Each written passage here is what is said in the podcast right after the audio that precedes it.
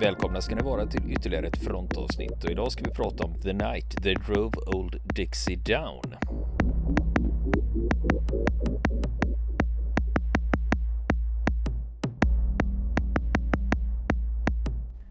Ja du Niklas, eh, The Night They Drove Old Dixie Down, är det något du är bekant med? ja, det låter, det låter väldigt amerikanskt. Det, vi, vi, eh, vi pratar väl eh, amerikanska inbördeskriget. Eh, ja, antar jag. Dixie är ju ett sånt uttryck. Ja, ja precis. Men nu är det ju en sång vi pratar om här. Ja, The Dixie då, de amerikanska sydstaterna då. Som brukar kallas för det. Och, och ja, det finns ju olika förklaringar till, till just vad Dixie kan ha kommit ifrån. Men det kan vi ju ta i ett annat sammanhang. Men låten ja. Ja, jag hade ju inte hört den förrän du tipsade mig om den faktiskt. Ja, för jag tänkte att ja. vi pratar ju om eh, amerikanska inbördeskriget nu alltså. Mm. Och eh, eh, den här låten, det hade ju du inte hört. Nej, precis.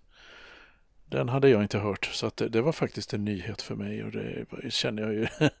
fyllde, fyllde, fyllde jag igen en liten bildningslucka eh, kring det här. Och, vilket känns lite, lite genant eftersom jag just håller på att forska lite kring amerikanska inbördeskriget just nu.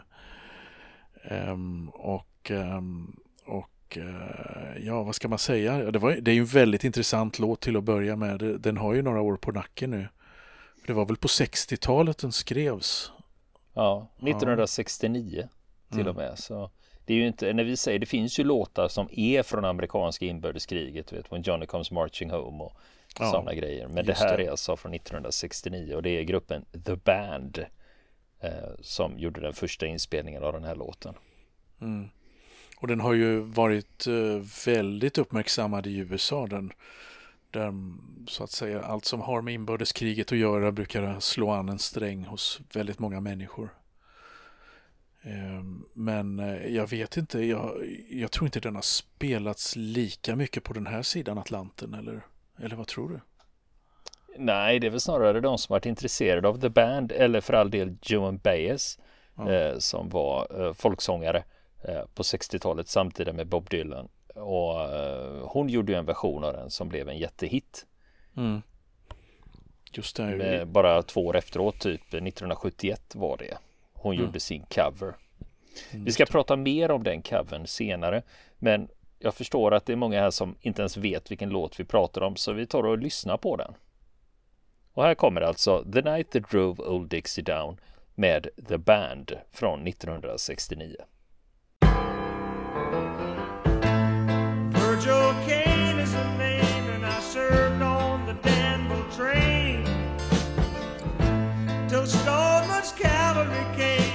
And tore up the tracks again.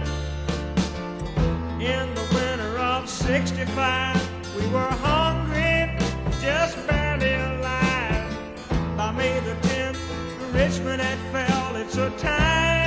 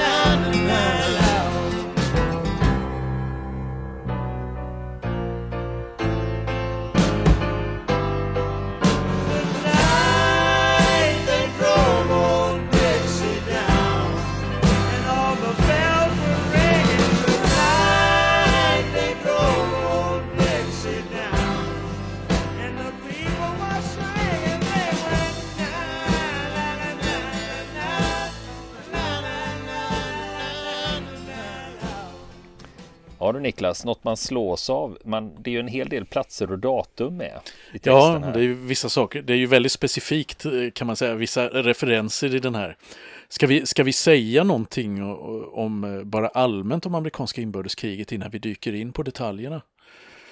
Alltså det här var ju, det var ju ett krig på, eh, som rasade under första halvan av, av eh, 1860-talet mot eh, mellan, eh, mellan eh, kan man säga de unionsvänliga staterna i norr i USA och de upproriska sydstaterna som bröt sig loss 1861 för att grunda en egen nation då baserad på ja, slaveriet och den vite mannens dominans och, och så vidare.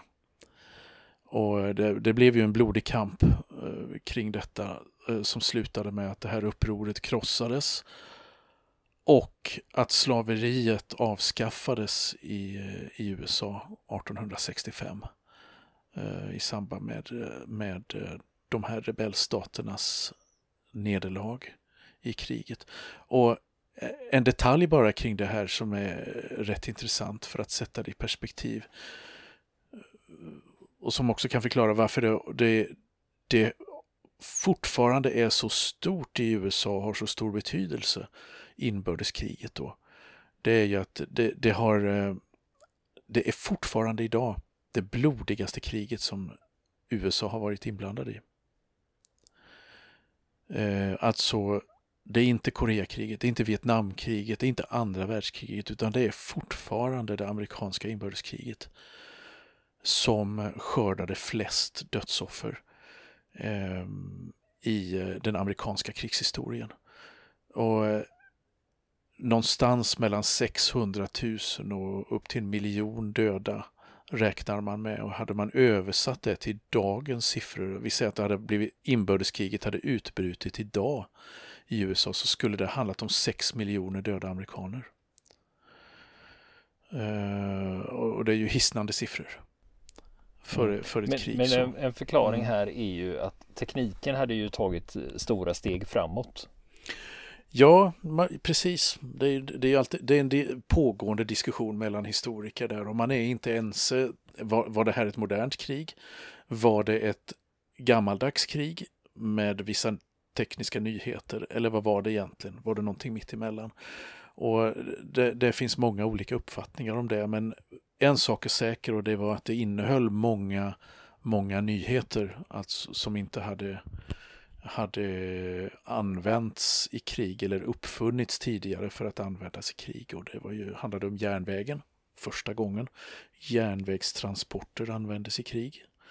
Eh, det var det första kriget där man använde pansarskepp som var drivna av eh, propellrar som såg ut som dagens propellrar och hade rörligt kanontorn. Det var ju för övrigt en uppfinning av John Ericsson, den svenska konstruktören, som bodde i New York vid den här tiden.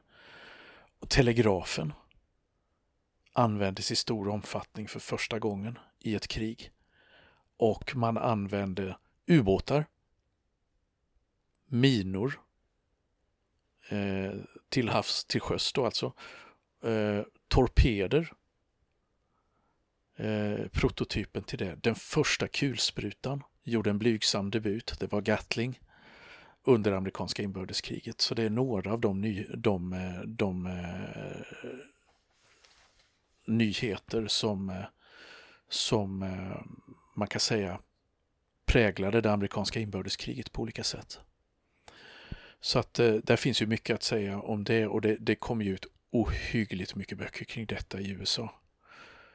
Det är en, verkligen en riktig bokflod med nya titlar och nytryck av gamla titlar hela tiden. Det, det verkar som intresset där borta aldrig tar slut kring det här.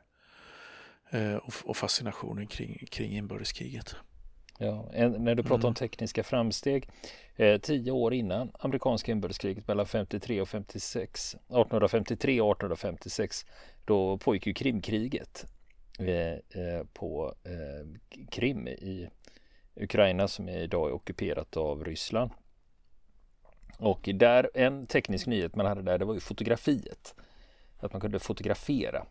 eh, eh från slagfälten. Nu var det ju väldigt mycket arrangerade bilder och sånt. Men däremot under det amerikanska inbördeskriget då användes ju fotografier i, på ett sätt som man inte hade sett förut.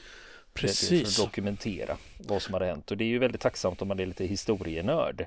Eh, för då finns det ju en helt annan typ av dokumentation.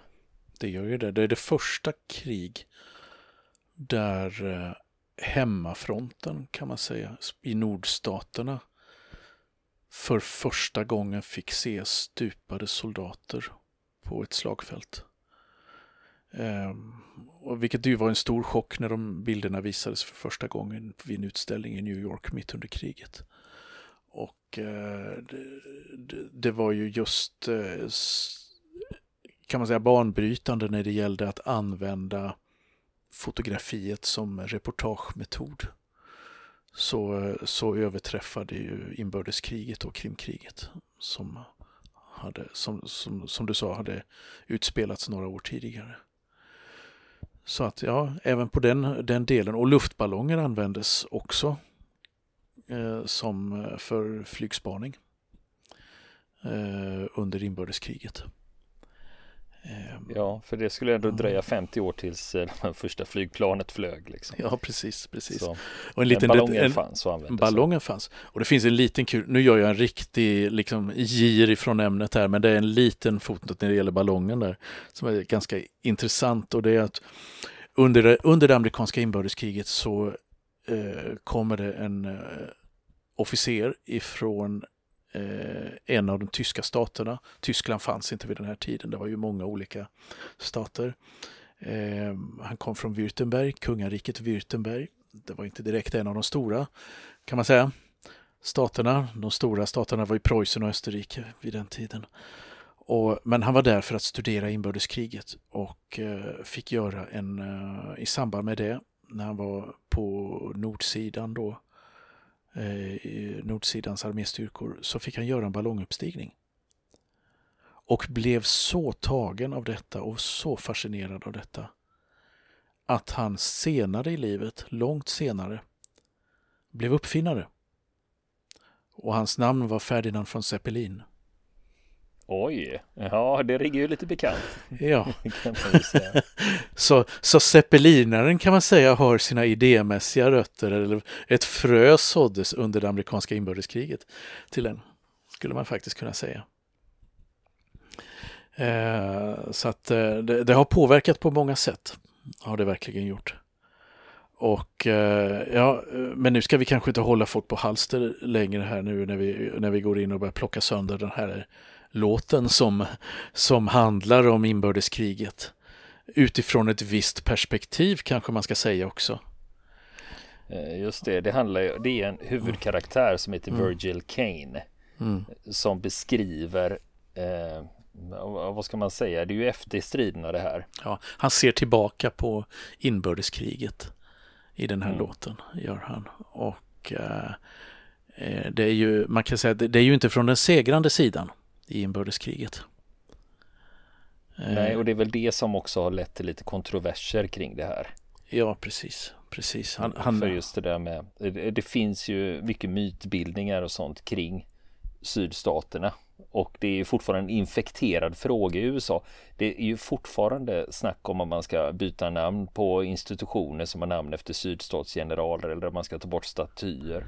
Så det är inte, de är inte klara med det här liksom. Nej, det är, det är de verkligen inte. Det här kommer ju upp med jämna mellanrum eh, när, eh, när det blir olika spänningar i samhället. Så att spåren sitter djupt efter det här inbördeskriget, det måste man säga.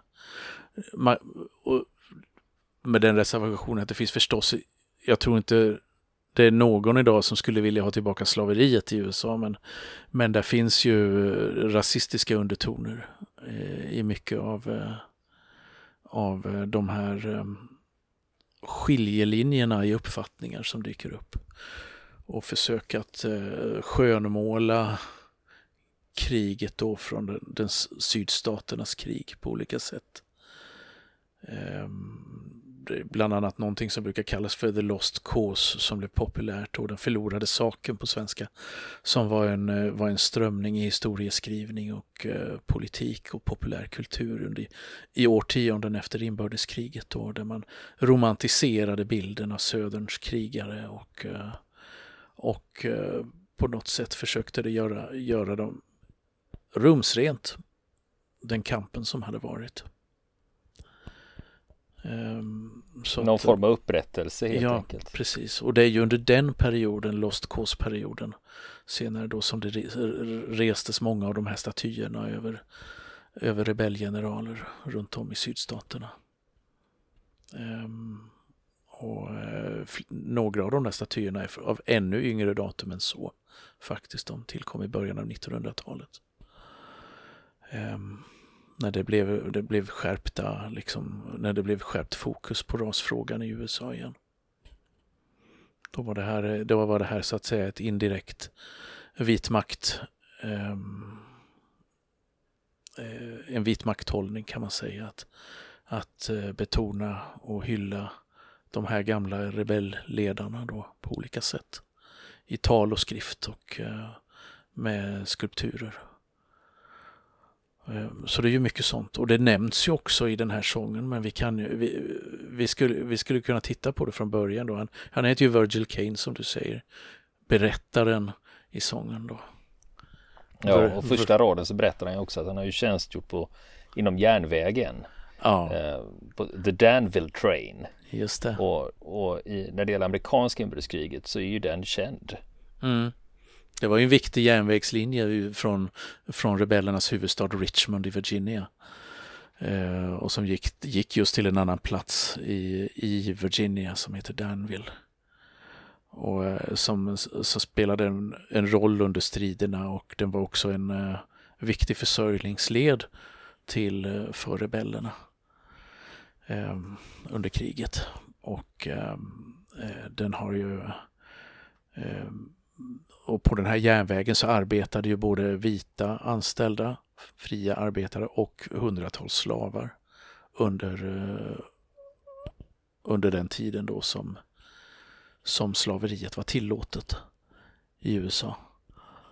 Och uh, uh, även då under, under, under krigets allra sista veckor när, när det när rebellerna står på randen till, sitt ned, till nederlag så spelar den här eh, järnvägslinjen en viss roll fortfarande därför att det här är, det här är general Lees sista hopp kan man säga. General Lee då som var befälhavare för rebellernas huvudstyrka. Eh, det som kallas för norra Virginia-armén då som förgäves hade försvarat Richmond och så hade man tvingats överge Richmond och retirera från staden för att hitta någon ny plats i de delar av eh, södern som fortfarande var i rebellernas händer och där man kunde fortsätta kampen från. Och han hoppades få, få eh, eh, kan man säga, underhåll via den här järnvägen då, men förgäves. Eh, det kom ingenting den vägen. Och bara kort tid därefter så, så blir, eh, blir general Lee tvungen att eh, kapitulera för, eh, för unionens främste befälhavare då, Ulysses Grant, då, vid en plats som heter Appomattox. Um, Appomattox Courthouse då, om man ska vara mer specifik. Um, så att, um, ja visst, det, och det, det, det, står ju som en symbol också för det jag sa tidigare då, Danville Train då, för att det är en, det var det första järnvägskriget amerikanska inbördeskriget då därför att man det var första gången då man, man kunde transportera underhåll snabbt, underhåll och trupper snabbt långa sträckor. Och, eh, vilket till och med vid några tillfällen avgjorde fältslag. Eh, för den sida som kunde få fram eh, trupper snabbast till en plats. Så att det fick en, järnvägarna fick en väldigt stor betydelse. Uh, under det kriget. Så det, det, är klart att, det är klart att den här Virgil Kane jobbar på Danville Train, uh, som man säger så. Mm. Och sen, har vi, mm. sen har vi nästa rad där mm. och det är ju att uh, Stoneman's cavalry came and tore up the tracks again. Just det, just det. Och det är ju Stoneman då.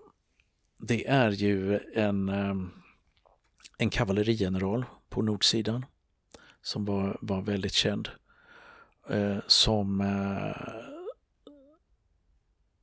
kan man säga eh, spel, spelade en roll när det gällde att ödelägga södern, eh, sydstaterna alldeles i slutet av kriget när de, när de eh, unionsarméerna tågade igenom och, och brände och städer och, eh, och förstörde eh, allt de kunde för att liksom krossa sydstaternas ekonomiska bas. Det mest kända exemplet är på den typen av krigföring, en slags brända jordens taktik då. Eh, det är, eh, det är när eh, general Sherman bränner ner Atlanta i Georgia 1864. Och ehm, man brukar, när man talar om de härjningar då som, som unionsarmén då under Sherman eh, genomförde där så brukar man säga, så brukar det heta i, i eh, i historieskrivning då att When Georgia howled, alltså när, när eh, staten Georgia grät, kan man väl översätta det som ungefär eh, på svenska. Och det är ju lite så då att det fanns ju inget i flygvapen på den tiden förstås, men det fanns ju de klassiska vapenslagen. Det var ju infanteriet och artilleriet och kavalleriet och det hade ju alla arméer. Eh, och satt upp i fält. Då. Men man måste veta att under det amerikanska inbördeskriget så var just kavalleriet på unionssidan eh, under de första krigsåren riktigt uselt. Man, man spenderade inte så, stor, Eh, så mycket resurser på det. Eh, och det var ganska, det var inkompetent lätt och eh, det plottrades bort på patrulltjänst och vakttjänst och spaningsuppdrag och vidare eh, och så vidare då. Man, man satte inte in dem i stora förband helt enkelt och de kunde inte mäta sig då alls med de betydligt mer välutbildade och erfarna kavalleristerna på eh, rebellsidan. Eh, det var först drygt ett par år in i kriget som den här situationen vände. Eh, och då spelar eh, den här kavallerigeneralen George Stoneman en viss roll i detta. Eh, för kavalleristerna de hade varit allmänt, de var allmänt föraktade bland infanteriet och artilleriet då för att man såg aldrig till dem på slagfälten vid den här tiden. Alltså kavalleriet hade ju under Napoleonkrigen 50 år tidigare haft en given plats på, på slagfältet men när eh, amerikanska inbördeskriget utspelas så används nästan aldrig kavalleri under själva fältslagen. Eh, vilket berodde på vapenutvecklingen. Det var alldeles... Eh, det skulle varit självmord att sätta in eh, eh, kavalleriattacker mot infanterister som hade utrustats med eh, mycket effektivare musköter. Och artilleriet som hade eh, fått en ökad eh, förstörelsekraft då genom räfflade kanoner och så vidare. Eh, så att eh, de, fick, de, de förvisades till andra uppdrag så att säga och i och med att de aldrig syntes på slagfältet och var med där så, eh, så fick de, ja, så var, hade deras status så var deras status inte speciellt hög. Och, och det, det, kan ju också mm. eh, nämnas just när du säger att det var låg status med kavalleri. Mm. Det märkte man ju också med de officerare som gick ut på West Point. Att ja. eh, de som blev kavallerister som Custer och liknande, det var ju mm. inte kursettorna. Nej, det var ju de dummaste och lataste. Som de, de hamnade i kavalleriet, ja. så var det ju. Eh, och det var ju liksom en enorm skillnad mot hur det hade varit varit i till exempel Napoleonkriget i Europa och tidigare, tidigare krig då på den europeiska kontinenten. Att kavalleriet var ju det finaste av allt. Då det var ju där eh, adels, eh, sö, adelsmännens söner hamnade och, eh, och så. Men det här var ju något, i det amerikanska inbördeskriget så var, var det ju helt annorlunda. Ehm, och Stoneman då, han var ju en, han var en yrkesofficer Eh, i den amerikanska armén då som inte var speciellt stor före det inbördeskrigets utbrott. De hade bara en armé som var 15 000 man stark. Ehm, och eh, alltså ett stort land med en eh, pytteliten armé. Ehm, men han hade, han hade gått på West Point på 1840-talet. Ehm, och hans rumskamrat under tiden på West Point var ingen mindre än Stonewall Jackson. En av rebellernas främsta generaler eh, vid sidan av, eh, av eh, Robert E. Lee då. Eh, de två hade delat rum då och eh, eh, där och var, var personliga vänner och sen hamnade de på varsin sida i inbördeskriget. Ganska vanligt på den tiden att eh, kriget splittrade klasskamrater, vänner, familjer och så vidare. Och, eh, men Stoneman han hade ju skaffat sig ganska mycket erfarenhet då i, i kavalleriet i, i, i många år. Han tjänstgjorde i över 30 år i armén då, deltog i flera krig då, bland annat kriget mot Mexiko och eh, krig mot urbefolkningen då i olika, olika sammanhang. Eh, men, och när, när, kriget kom då, inbördeskriget alltså, så då så steg han ganska snabbt i graderna då. Eh, och eh, blev, eh, blev general. Och 1863, alltså mitt under inbördeskriget, så sker en omorganisation i unionsarmén. För då har unionsarméns huvudstyrka då, den så kallade Potomac-armén på östkusten, fått en ny befälhavare som heter Joseph E. Hooker. Och han bestämmer att att eh, kavalleriet ska samlas i en kår. Man ska samla ihop alla regementen och brigader kavalleri som har funnits utspridda på olika håll i en, till en kår, alltså och då snackar vi på den tiden eh, ungefär 15, 15 000 man, 10-15 000 man för att man ska kunna göra någonting som bara rebellerna hade lyckats göra tidigare. Det vill säga långa, stora räder in på motståndarens territorium för att förstöra järnvägsräls, eh, plundra förråd och bränna och härja och sprida skräck. För det hade rebellerna som hade betydligt mer kompetenta befälhavare och kavallerister lyckats med gång efter gång. Och Joe Hooker då, befälhavaren för Potomac-armén, han, han menade att eh, nu gäller det att nu ska vi göra samma sak. För att vinna det här kriget så måste vi, eh, så måste vi slå alla klutar till och en, en av åtgärderna för att göra detta, samla kavalleristerna. Och eh, detta ingick i en plan som Hooker hade att försöka besegra rebellarmén under Robert E. Lee vid en plats som heter Chancellorsville i, ehm, i norra Virginia. Eh, där stod ett stort fältslag i eh, slutet av april och början av maj 1863.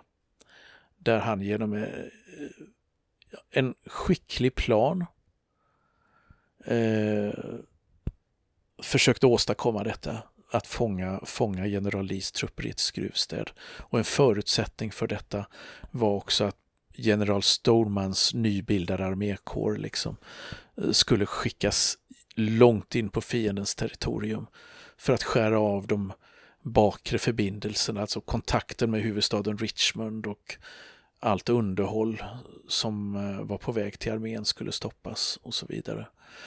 Ehm, och Stoneman han, hade, han lyckades ingjuta en helt ny anda i kavalleriet och gjorde dem, lyckades få de här kavalleristerna stolta över sitt, vapenslag. Stolta över vilka de var. Men den här kavalleriräden gick inte så bra, den slog fel. Eh, han misslyckades för att han körde fast, eh, bland annat eh, under den här då. Det tog väldigt lång tid att gå över ett vattendrag på ett ställe för honom. Och eh, han lyckades inte hitta så mycket att förstöra som han hade hoppats. Så att rebellerna var inte så oroade. För, för, för Virginia då, den delstaten där striderna pågick i, var redan till stora delar kraftigt ödelagd, kraftigt förhärjat eh, under den här tiden. Så att det blev som ett slag i luften helt enkelt, Stonemans kavalleriräd. Och eh, själva slaget vid Chancellorsville gick inte så bra heller. Utan eh, där eh, man fäktades i eh, flera dagars tid och eh, eh, sen tvingades unionsarmén återvända dit den hade kommit ifrån med oförrättat ärende. Ehm, för att rebellerna blev inte lika överraskade som han hade hoppats. Det var tvärtom. De lyckades överraska honom, hans trupper, eh, på ett sätt som gjorde att, att man var nära att uh, lida ett totalt nederlag på slagfältet. Unionssidan alltså. Men så att Stoneman, han, han, uh, han var en skicklig organisatör men Många har ifrågasatt hans eh, kompetens på slagfältet. Speciellt i de, eh, de eh, höga befattningarna som han fick. De stora förbanden som han ledde under inbördeskriget. Där han gång på gång misslyckades på slagfältet. och eh, Det skedde flera gånger till efter, efter Chancellorsville. Då vid ett av tillfällena då när han tjänstgjorde under general Sherman i Georgia så blev han också tillfångatagen av rebellerna och satt i fånglä fångläger i flera månader innan han blev utväxlad. Ehm, och det var egentligen först eh, hans sista räd, den gick något bättre. Eh, och det, man brände flera städer i södern och så vidare. Men det var vid en tidpunkt då, då rebellstyrkorna i praktiken redan var besegrade och inte mötte så mycket motstånd. Um, så att om, om eh, Stoneman kan man eh, säga en del bra saker militär synvinkel men det finns också flera frågetecken när det gäller hans insatser i inbördeskriget. Mm. Mm. Ja, om vi går vidare här och tittar mm. på nästa del här. Eh, jo, det handlar om att vintern 1965 att de svalt. Eh, mm. Och eh, då är det ju fortfarande några månader kvar av kriget. Mm, det var knappt vid liv liksom, skriver, uh, heter det. Ja, och det var ju svår, svår svält alltså i, eh, eller svält eller i alla fall svår hunger på sydsidan vid den här tiden därför att, därför att eh, eh, unionsflottan hade redan i början av kriget inlett en blockad av eh, sydstaternas hamnar för att isolera dem från omvärlden och skära av dem från eh, all, eh, ja, alla möjligheter att exportera produkter för att importera annat som de behövde för kriget. Och det kombinerat då med att man härjade i eh, brände, brände eh, bondgårdar och fält i sydstaterna och så vidare. Det, det gjorde ju att hungern ökade, problemen att försörja befolkningen ökade och det ledde till och med till hungerupplopp i många olika städer på flera olika håll då i, i sydstaterna under andra halvan av kriget. Eh, och han, Eh, han, skriver ju sen då att by, eh, by May the 10th, alltså 10 maj, så föll, hade Richmond fallit. Eh, och det var ju en av de sista sakerna som hände under inbördeskriget och det var ju inte riktigt slut där när, när rebellernas huvudstad Richmond föll. den övergavs och stacks i brand så att det, det var mest ruiner kvar bara när, när unionstrupperna marscherade in. Um, och eh, Ja, det, det finns, det är tätt packat med referenser till kriget ur sydstaternas synvinkel i den här, i den här texten kan man säga. Eh, och eh, det talas ju lite längre ner då i texten då att eh, han var tillbaka med sin hustru i Tennessee. När hon säger Virgil kom, kom, kom och titta, där går general Lee. Eh, jag tvivlar på att general Lee någon gång var i Tennessee, det har jag aldrig hört talas om. Eh, men visst, det rimmar ju. kan ja, man ju säga. Jag, jag tänkte, för, fanns det inte en flodångare som hette Robert E. Lee också? Så tänkte jag, fan ja. är båten de menade? ja, för Mississippi rinner väl genom Tennessee också? Ja, ja visst, men så kan det ju vara, men jag tvivlar på att den i så fall fick behålla sitt namn Eh, efter inbördeskrigets slut. ja.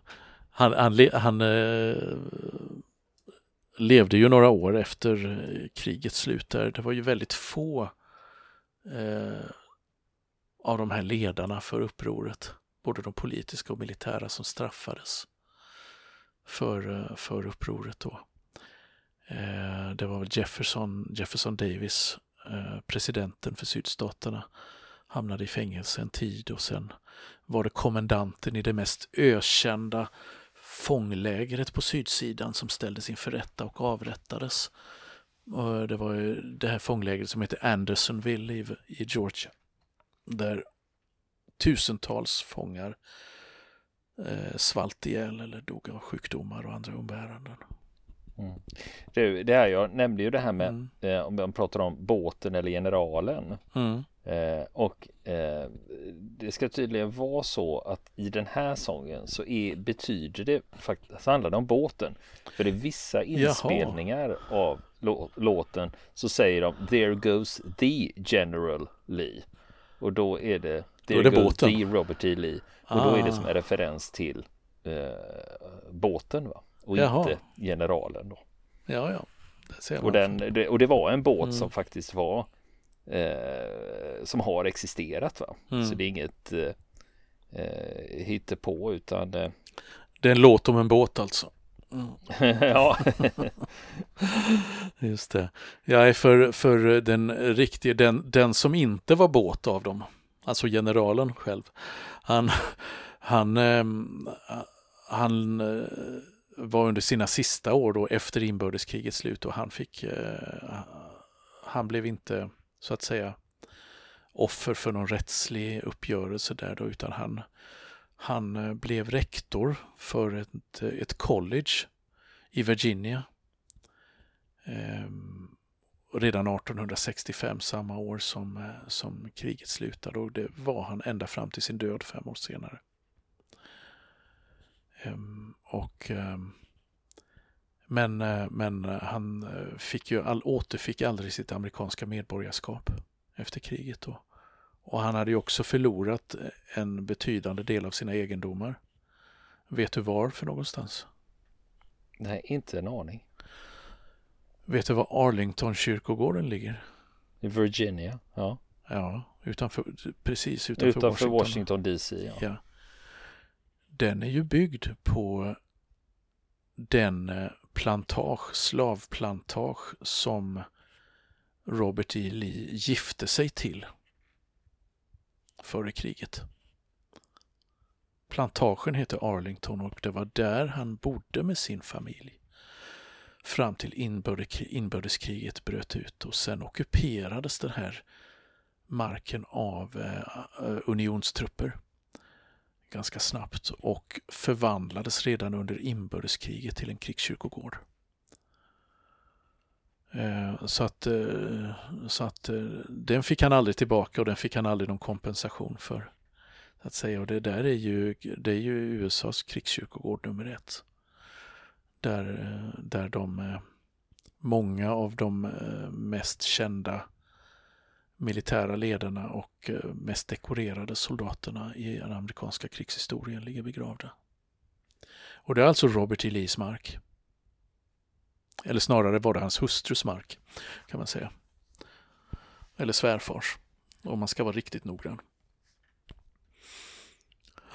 Men det var, det var som sagt, eh, det var väl en liten hämnd kan man säga från unionssidan un, redan under kriget till, eh, mot, mot Lee då. Eh, att man, man gjorde om det här till en kyrkogård för unionssoldater.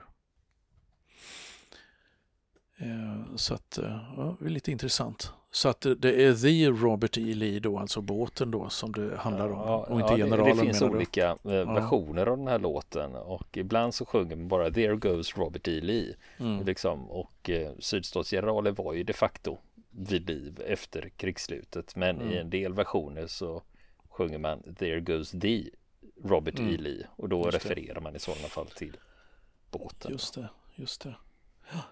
Nej, och sen i övrigt då så är det ju, det är ju väldigt mycket, lite, lite, lite sydstatare stolthet och så som förmedlas i, i den här texten som jag tolkar den då.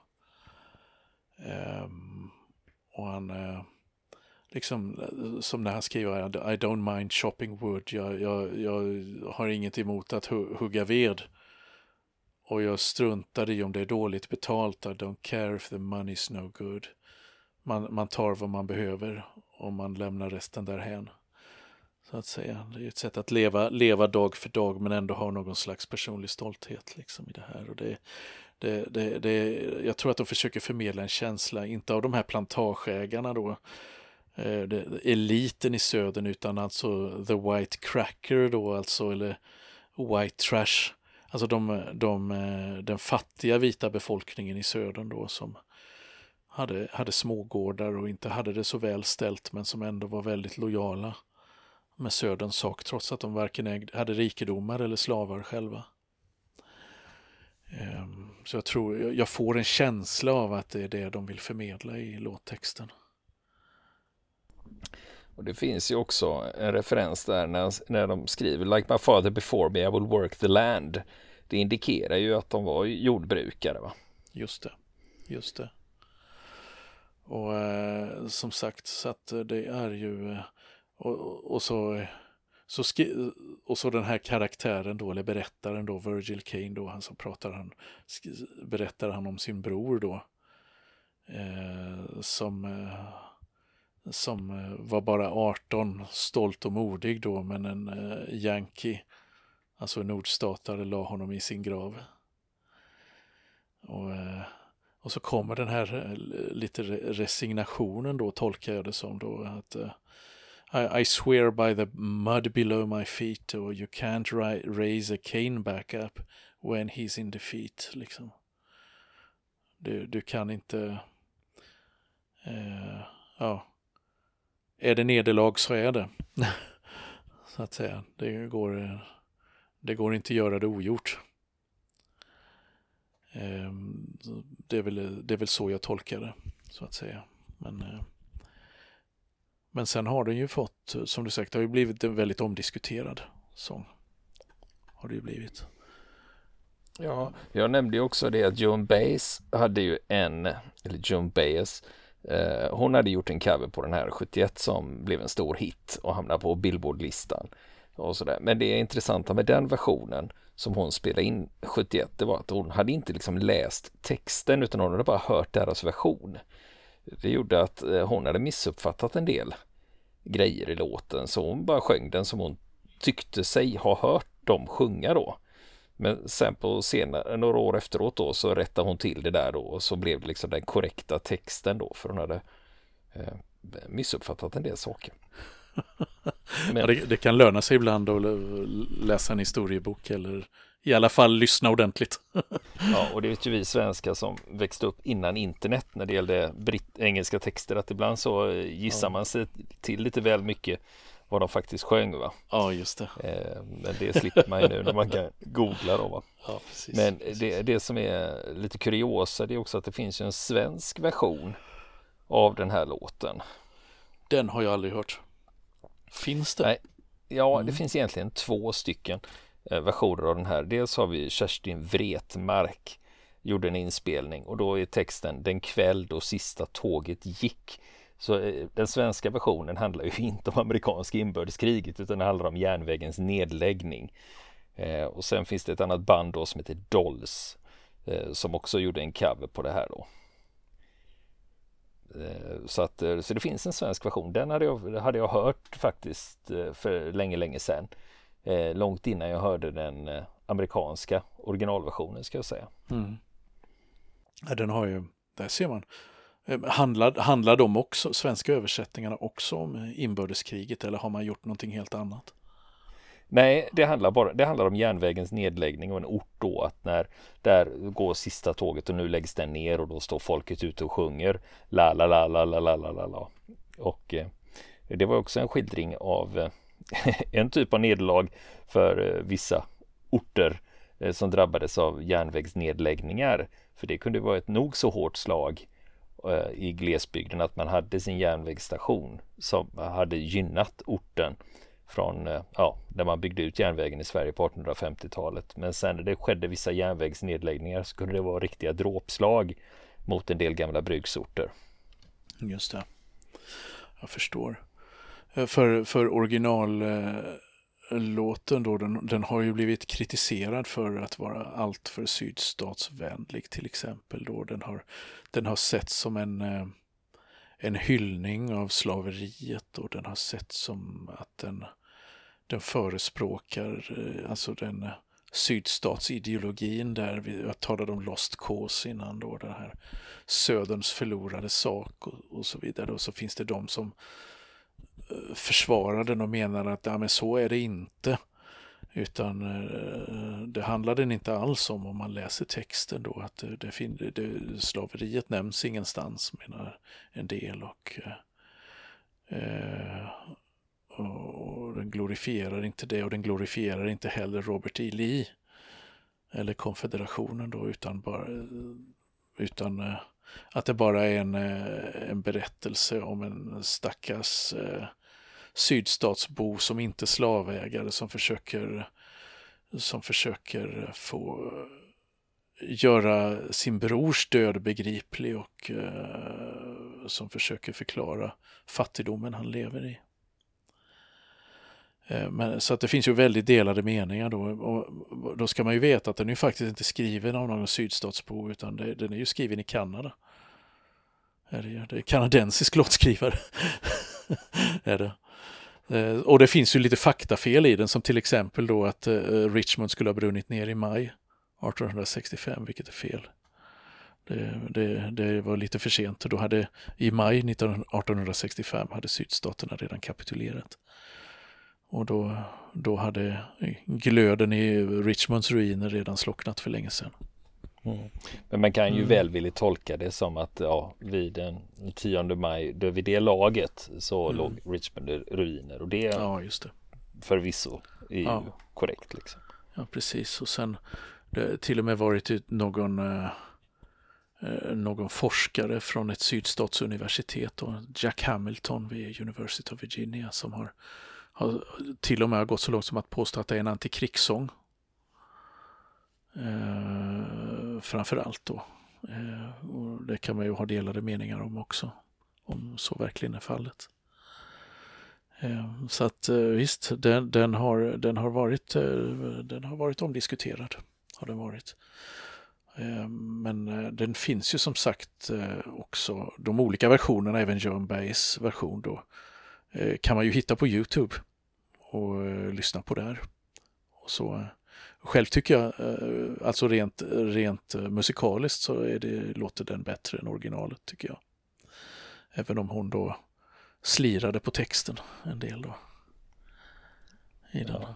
Mm. ja, och sen den svenska versionen finns ju också tillgänglig på Youtube om man vill eh, höra den svenska tågversionen får man väl säga. Ja, just det. Just det. Tåget som gick. Och eh, ja, så att eh, ja, det, det, är ju intressant liksom, för det här är ju, det är ju skrivet hundra år efter, mer än hundra år efter inbördeskriget då, så har man gjort, eh, gjort det här.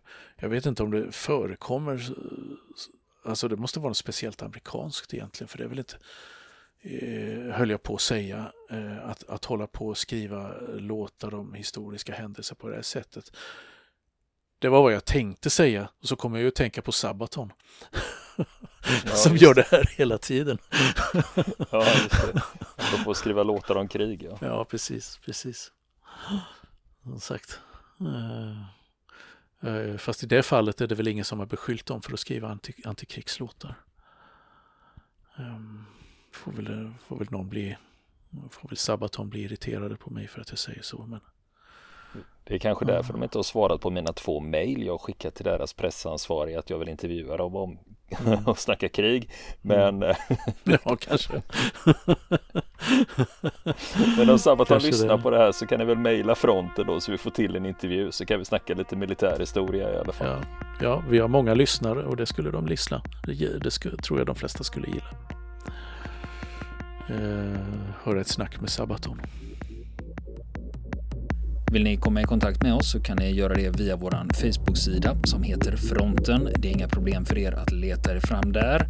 Eller också så mejlar ni på vår mejladress och det är frontenpodcast.gmail.com.